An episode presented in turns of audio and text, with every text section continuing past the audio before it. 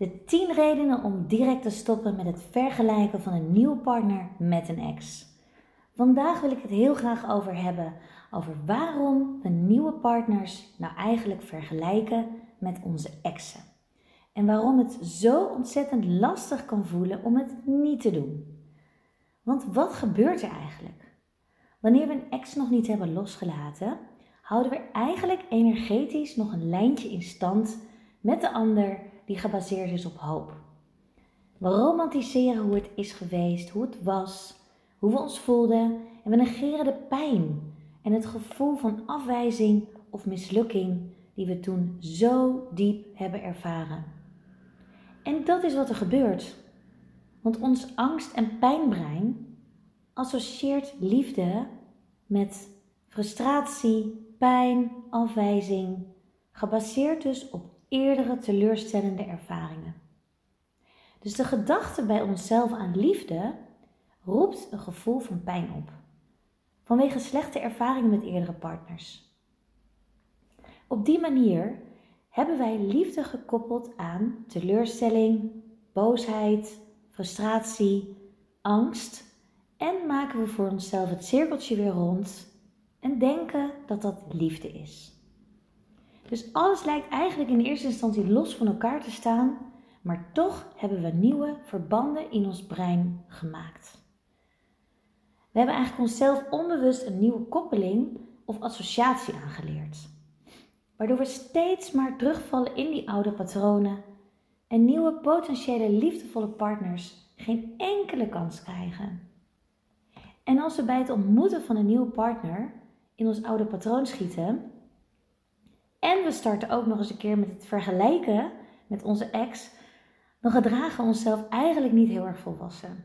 En ik zal je uitleggen wat er dan eigenlijk gebeurt als we door die exenbril gaan kijken.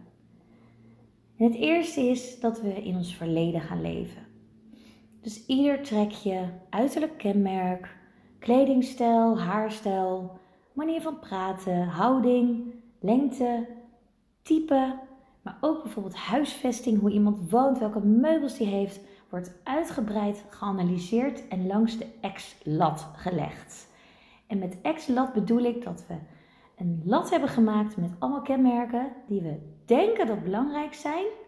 En een nieuwe partner leggen we langs die lat om te kijken welke overeenkomsten zijn er en vooral wat is er niet. En onze nadruk gaat dan liggen op het niet, wat er niet is. Dus die nieuwe partner, die heeft gewoon geen schijn van kans. Die staat direct 10-0 achter. En heeft 0,000 kans gekregen om die mooie, unieke eigenschappen die hij heeft aan ons te laten zien. En door het romantiseren van ons verleden creëren we dus ook een onrealistisch beeld van onze ex-partner. We plaatsen hem op een voetstuk en we vergeten de pijn die we hebben gevoeld. Of we gaan al het gedrag goed praten voor onszelf. En onze ex wordt hierdoor een soort imaginary god. Iemand die gewoon niet te overtreffen valt. Een sprookjesfiguur, de ideale partner, de prins op het witte paard of whatever we van hem denken. En onbewust wijzen we dus kenmerken of gedrag af in onze nieuwe partner, die dus niet in lijn zijn met die van onze ex, die we hebben geromantiseerd.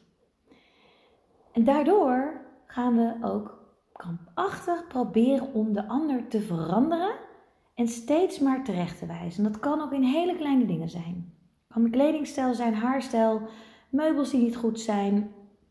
Continu bezig zijn met iemand te veranderen in een persoon die de ander niet is. Daardoor hebben we onrealistische verwachtingen die iemand gewoon never nooit niet kan waarmaken. En de ander gaat daardoor op eieren lopen. Want die krijgt jouw respect niet. Het is nagenoeg onmogelijk om die te verdienen. En dit zijn al acht saboteurs die ik heb opgenoemd, die ervoor zorgen dat het echt onmogelijk is op deze manier om een relatie op een gelijkwaardige, respectvolle manier te kunnen laten groeien. Want tot slot is je ex echt je ex om een reden. Het heeft niet gewerkt. Het heeft niet gewerkt. En ik herken dat ook wel, want ik heb in het verleden soms ook heel erg mijn best gedaan om te zoeken naar een kopie onbewust van een ex, die mij juist heel erg pijn had gedaan. En dat besef dat kwam pas later in mijn zoektocht naar voren, toen ik het in perspectief kon plaatsen. Want waar was ik in godsnaam mee bezig? Ik zocht iets anders eigenlijk dan dat ik diep van binnen wilde. Ik wilde gewoon graag verbinding en me geliefd voelen. Dat iemand mij zou zien en van me zou houden en mij gewoon leuk vindt om Leonie, om wie ik ben. Zonder dat ik op mijn tenen moest lopen. Of me beter zou moeten voordoen dan ik wie ik was. Dat ik eindelijk mijn masker kon afzetten. Dus ik zocht iets totaal anders dan wat ik diep van binnen wilde. En de vraag is natuurlijk van hoe kom je er dan achter? Wat moet je er dan wel voor doen? Nou, de eerste stap is het loslaten van die oude liefde. En die plaats naast jezelf echt vrijmaken. Want zolang daar nog iemand staat opgelijnd, kunnen we gewoonweg niet een nieuwe zuivere verbinding aangaan. Dus we moeten in ons brein het lijntje ontkoppelen van wat liefde is voor ons. Want zolang liefde nog gelijk is aan pijn, kunnen we niet een liefdevolle relatie opbouwen. En mijn vraag aan jou is: wat is liefde eigenlijk voor jou? Hoe zou je dat omschrijven? Hoe ziet dat eruit? En de tweede stap is om ons diepste verlangen in kaart te brengen.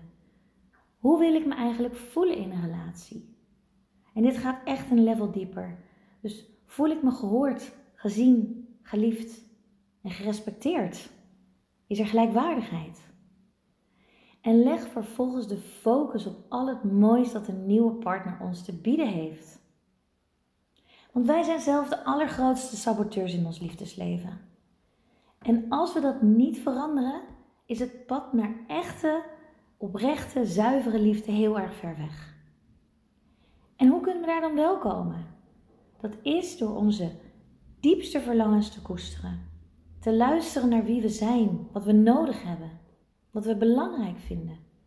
Om te leven vanuit liefde en vertrouwen. En juist te leren van de hobbels op het liefdespad die we onderweg zijn tegengekomen. Welke learnings hebben we eruit gehaald? Wat heeft ons geholpen bij onze groei? En ik nodig je echt uit om in stil te staan bij wat je oprechte diepste verlangen is.